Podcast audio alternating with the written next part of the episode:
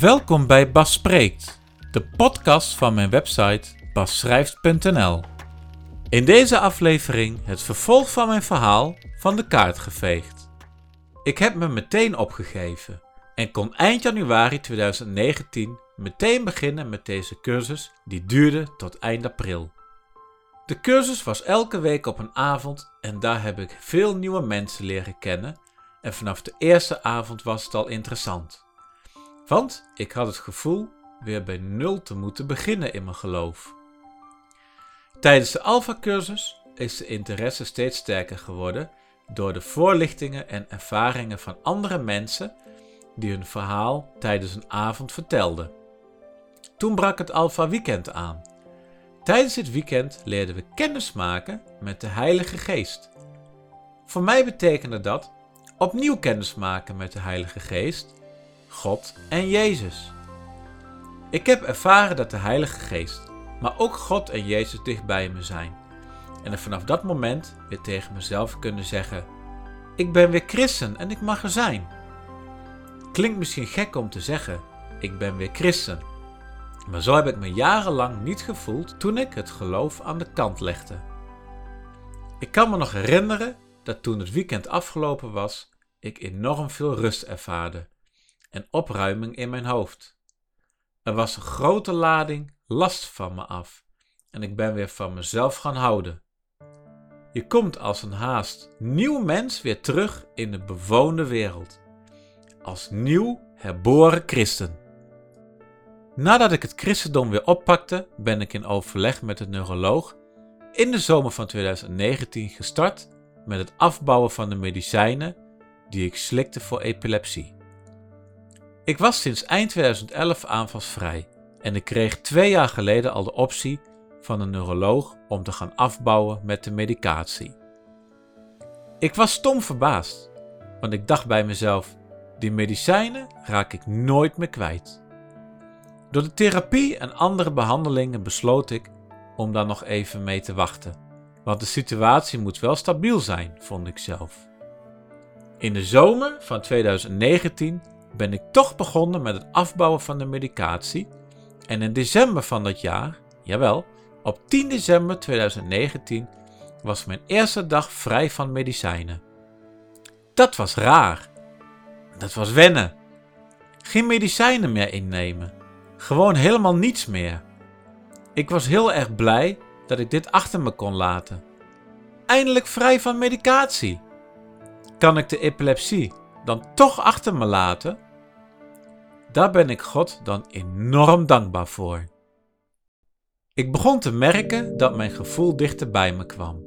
Eind 2019 kreeg ik weer last van lichte depressie, waar ik niets tegen heb gekregen, want dat wilde ik absoluut niet. Ondanks al het goede wat er gebeurde, werd ik ook met mezelf geconfronteerd. Waar sta ik nu in het leven? En wat is mijn leven toch een rotzooi? Hoe ga ik dit weer oppakken en hoe begin ik aan verder herstel? Hoe kan ik nu nog wat van mijn jonge leven maken? Ik werd me veel sterker bewust van in wat voor situatie ik leefde, door alles wat me vroeger is overkomen. Dat viel absoluut niet mee. Door de innerlijke verwerking voelde ik weer de pijn en het verdriet. Maar ook begon ik weer in een negatieve spiraal terecht te komen. Bitterheid kwam naar me toe en dat begon me weer te bezetten. Totdat ik begin van het nieuwe jaar binnen de kerkkring een heel verhaal in de app zette over dat ik met een probleem zat. Via de wijkouderling van de kerk ben ik terechtgekomen bij een stel die aan gebedspastoraat doet. Dat had ik nog nooit eerder gedaan. Maar wat kon er gebeuren? Toevallig waren het ook nog bekenden van me, dus de drempel was meteen al een stuk lager. Het voelde vertrouwd. Wat daar gebeurde werd voor mij opnieuw een totale opruiming in mijn hoofd en een nog sterkere band met God. Stel je voor dat al je bitterheid en negativiteit wordt weggenomen.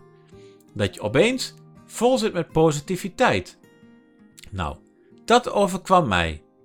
Ik kan me herinneren dat we tijdens de behandeling samen gebeden hebben en ook met vergeving bezig zijn geweest. Vergeven van de pesters, Die mensen die vroeger je leven zuur hebben gemaakt. Die je in de situatie hebben geschopt waar je nu in zit.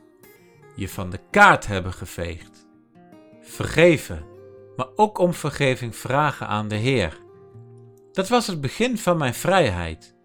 De volgende dag werd ik vroeg wakker na een nacht dat ik bijna niet heb kunnen slapen. Ik herinner me dat ik opstond en thee voor mezelf zette. Dat had ik al lang niet meer gedaan. En rustig de tijd nemen om te eten en fruit te nemen, dat had ik ook lang niet meer gedaan. Toen ik daarmee klaar was, pakte ik de Bijbel en ben ik begonnen met het lezen vanaf het begin. Vanaf dat moment lees ik elke dag de Bijbel. Ik heb, wat ik zo net ook al schreef, nog nooit zo'n sterke band met God gevoeld. En ik wil die boodschap die God voor ons heeft doorgeven aan andere mensen. De kracht van het geloof, de genezing die je mag ondergaan via God, het jezelf weer mogen en kunnen zijn. Dat is toch iets wat je de ander ook gunt? Het lijkt als herboren worden. Je laat alle oude pijn achter je en gaat in vrijheid verder. Niet meer met het hoofd naar beneden, maar rechtop en vooruitkijkend. Kijken naar een nieuwe tijd die komen gaat. Met God, jezelf en de medemens op deze aarde. Vol met warmte en liefde. Helaas, misschien was mijn vertrouwen op volledige genezing iets te impulsief. 10 april 2021 kreeg ik na bijna 10 jaar opnieuw een epileptische aanval, maar gelukkig dit keer een lichte, waarbij ik na 5 tot 10 minuten weer bij kennis was. Wat was dit keer de oorzaak? Kwam het omdat ik corona heb gehad begin 2021? Spanningen en verwerkingen van de afgelopen jaren? In elk geval moet ik betreuren dat het verleden me nog steeds achtervolgt. Hoe vernietigend kan het zijn als je in je jeugd en ook op jongvolwassen leeftijd bent gepest? Dat blijkt maar weer. Sinds mijn aanval ben ik weer aan de medicatie, namelijk hetzelfde medicijn wat ik eerder ook had. Het is een veel lichtere dosering, maar toch, het geeft een gevoel van weer terug bij af te zijn als we het hebben over gezondheid. Daarbij kwam dat ik zes maanden vanaf mijn laatste aanval geen auto mocht rijden. Het CBR kwam weer om de hoek kijken met herkeuringen en de dingen die daar wettelijk bij horen. Ik had zo sterk gehoopt om namelijk afscheid te nemen van de gedeeltelijke Wajong en het cliënt zijn. Gewoon een normaal leven te hebben en eindelijk er wat van te maken. Anders gezegd, eindelijk de stempel voor goed van mijn voorhoofd te mogen wegvegen. Nu breekt er weer een periode aan van opnieuw beginnen, net zoals toen.